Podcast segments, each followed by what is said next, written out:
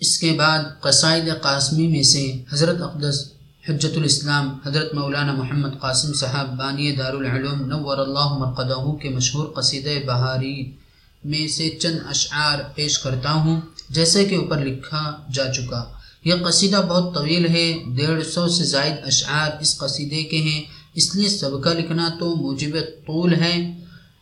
جو صاحب پورا دیکھنا چاہے، اصل قصیدے کو ملاحظہ فرمائیں۔ اس میں سے ساٹھ اشعار سے کچھ زائد پر اکتفا کیا جا رہا ہے، جس سے حضرت قدس رہو کی والہانہ محبت اور عشق نبوی کا اندازہ ہوتا ہے۔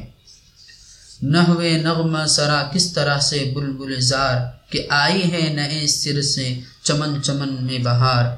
ہر ایک کو حسب لیاقت بہار دیتی ہے، کسی کو برگ، کسی کو گل اور کسی کو بار۔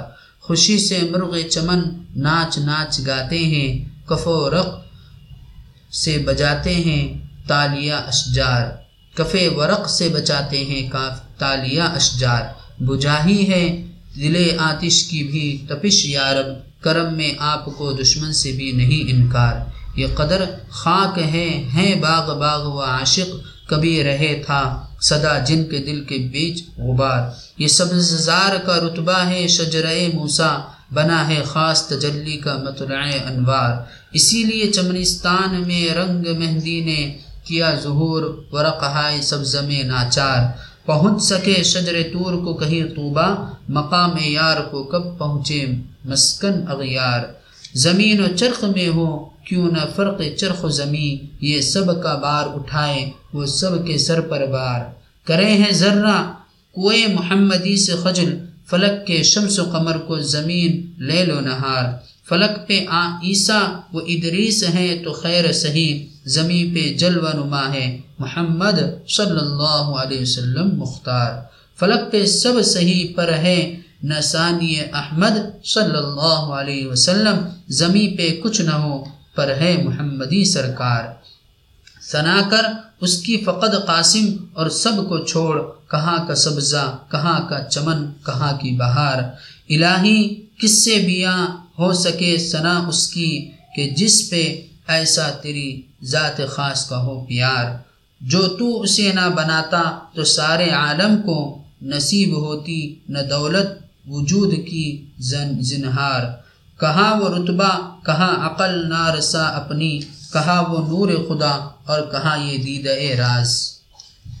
چراغ عقل ہیں، گل اس کے نور کے آگے، زباں کا منہ نہیں جو مدح میں کرے گفتار۔ جہاں کے جلتے ہوں پر عقل کل کے بھی پھر کیا لگی ہے جان جو پہنچی وہاں میرے افکار۔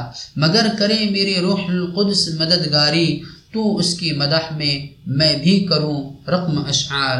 جو جبرائیل مدد پر ہو فکر کی میری، تو آگے بڑھ کے کہوں، اے جہاں کے سردار تو فخر کونو مکا، زبد اے زمین و زماں امیر لشکر پیغمبرا شاہ ابرار۔ تو بوئے گل ہے اگر مثل گل ہے اور نبی، تو نور شمس گر اور انبیاء ہے شمس و نہار۔ حیات جاں ہے تو ہے اگر وہ جانے جہاں، تو نور دیدہ ہے گر ہے وہ دید اے بیدار۔ تو فیل آپ کے ہیں کائنات کی ہستی، بجا ہے کہیے اگر تم کو مبدع الاثار جلو میں تیرے سب آئے، عدم سے تب وجود قیامت آپ کی تھی، دیکھیے تو ایک رفتار۔ جہاں کے سارے کمالات ایک تجھ میں ہیں، تیرے کمال کسی میں نہیں، مگر دو چار۔ پہنچ سکا تیرے رتبے تلک نہ کوئی نبی، ہوئے ہیں معجزہ والے بھی اس جگہ ناچار۔ جو انبیاء علیہ السلام ہیں، وہ آگے تیری نبوت کے کرے ہیں امتی ہونے کا یا نبی اقرار۔ لگاتا ہاتھ نہ پتلے کو بل بشر کے خدا، اگر ظہور نہ ہوتا تمہارا آخر کار۔ خدا کے طالب دیدار حضرت موسا تمہارا لیجے خدا، آپ طالب دیدار۔ کہاں بلندی طور اور کہاں تیری معراج؟ کہیں ہوئے ہیں زمین آسماں بھی ہموار۔ جمال کو تیرے کب پہنچے حسن یوسف کا، وہ دل ربائے زلیخا، تو شاہد ستار۔ رہا جمال پہ تیرے حجاب بشریت، نہ جانا کون ہے، کچھ بھی کسی نے نہ، کسی نے جز ستار۔ سما سکے تیری خلوت میں کب نبی و ملک، خدا غیور تو اس کا حبیب اور اغیار۔ نہ بن پڑا وہ جمال آپ کا سا، ایک شب بھی قبر نے گو کہ کروڑوں کیے چڑھاؤ اتار۔ خوشا نصیب یہ نسبت کہاں نصیب میرے؟ تو جس قدر ہے بھلا میں، تو جس قدر ہے بھلا میں برا اسی مقدار۔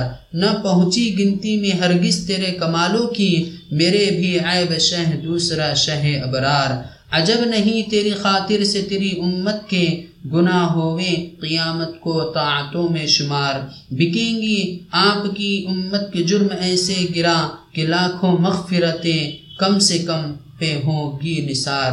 تیرے بھروسے پہ رکھتا ہے غرہ طاعت، گناہ قاسم برگشتہ بخت بد اتوار۔ تمہارے حرف شفاعت پہ افو ہے عاشق، اگر گناہ کو ہے خوف، غصے قہار۔ یہ سن کے آپ شفیع گناہ گارا ہیں۔ کیے ہیں میں نے اکٹھے گناہ کے انبار۔ تیرے لحاظ سے اتنی تو ہو گئی تخفیف، بشر گناہ کرے اور ملائک استغفار۔ یہ ہے اجابت حق کو، تیری دعا کا لحاظ۔ قضائے مبرم و مشروط اس کی سنے نہ پکار۔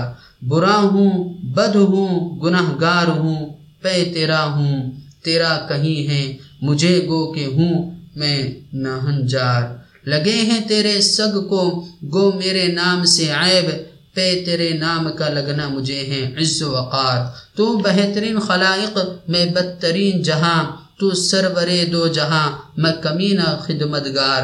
بہت دنوں سے تمنا ہے کیجیے عرض حال، اگر ہو اپنا کسی طرح سے تیرے در تک بار۔ مگر جہاں ہو فلک آستہ سے بھی نیچا، وہاں ہو قاسم بے بال پر۔ کا کیوں کے گزار؟ دیا ہے حق نے تجھے سب سے مرتبہ عالی کیا ہے، سارے بڑوں، بڑے چھوٹوں کا تجھے سردار۔ جو تو ہی ہم کو نہ پوچھے تو کون پوچھے گا؟ بنے گا کون ہمارا تیرے سوا غمخار لیا ہے سگ نم قبلیس نے میرا پیچھا۔ ہوا ہے نفس موا ساپ سا گلے کا ہار۔ رجا و خوف کی موجوں میں ہے، امید کی ناؤ۔ کہ ہو سگان مدینہ میں میرا نام شمار جیو تو ساتھ سگان حرم کے تیرے پھروں مروں تو کھائے مدینہ کے مجھ کو مور مار۔ اڑا کے بعد میری مشتخاک کو پسے مرگ کرے حضور کے روزے کے آس پار نثار۔ ولے یہ رتبہ کہاں مشتخا کے قاسم کا کہ جائے کوچے اطہر میں تیرے بن کے غبار۔ غرض نہیں مجھے اس سے بھی کچھ رہی، لیکن خدا کی اور تیری الفت سے میرا سینہ فگار لگے وہ تیرے تیر غم عشق کا میرے دل میں ہزار پارا ہو، دل خوں دل میں ہو سرشار۔ لگے وہ آتش عشق اپنی جام جس کی جلا دے چرخ ستم، گر کو ایک ہی چھو کار۔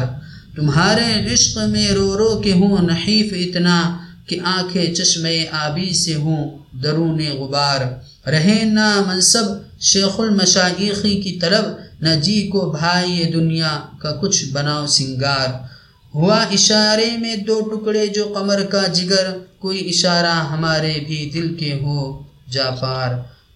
تو تھام اپنے تئی حد سے پانا دھر باہر، سنبھال اپنے تئی اور سنبھل کر کر گرفتار۔ ادب کی جا ہے یہ چپ ہو تو اور زبا بند کر وہ جانے چھوڑ اسی پر نہ کر تو کچھ اسرار بس اب درود پڑھ اس پر اور اس کی آل پہ تو جو خوش ہو تجھ سے وہ اور اس کی عطرت اطہار۔ الہی اس پر اور اس کی تمام آل پہ بھیج۔ الہی اس پر اور اس کی تمام آل پہ بھیج وہ رحمتی کی عدد کر سکے نہ ان کو شمار تمت یہ رسالہ جیسا کہ شروع میں لکھا گیا، پچیس رمضان المبارک کو شروع کیا گیا تھا۔ ماہ مبارک کے مشاغل کی وجہ سے اس وقت کو بسم اللہ اور چند سطور کے علاوہ لکھوانے کا وقت ہی نہ ملا۔ اس کے بعد بھی مہمانوں کے ہجوم اور مدرسے کی ابتدائی سال کے مشاغل کی وجہ سے بہت ہی تھوڑا وقت ملتا رہا، تاہم تھوڑا بہت سلسلہ چلتا ہی رہا کہ گزشتہ جمعہ کو عزیز محترم مولانا الحاج محمد یوسف صاحب رحمۃ اللہ کہاندلوی امیر جماعت تبلیغی کے حادثے انتقال سے یہ تخیل پیدا ہوا کہ اگر یہ ناکارہ بھی اسی طرح بیٹھے بیٹھے چل دیا تو یہ اوراق جو اب تک لکھے ہیں، یہ بھی ضائع ہو جائیں گے۔ اس لیے جتنا ہو چکا ہے، اسی پر اکتفا کروں۔ اور آج چھ ذی الحجہ سن تیرہ سو چوراسی ہجری جمعہ کی صبح کو اس رسالے کو ختم کرتا ہوں۔ اللہ جل شان ہوں اپنے لطف و کرم سے، اپنے پاک رسول صلی اللہ علیہ وسلم کی طفیل سے جو لغزشیں اس میں ہوئی ہوں، ان کو معاف فرمائے، آمین۔ محمد زکریہ عفی عنہ کاندھلوی مقیم مدرسہ مظاہر علوم سہارنپور، چھ ذی الحجہ، سن تیرہ سو چوراسی ہجری۔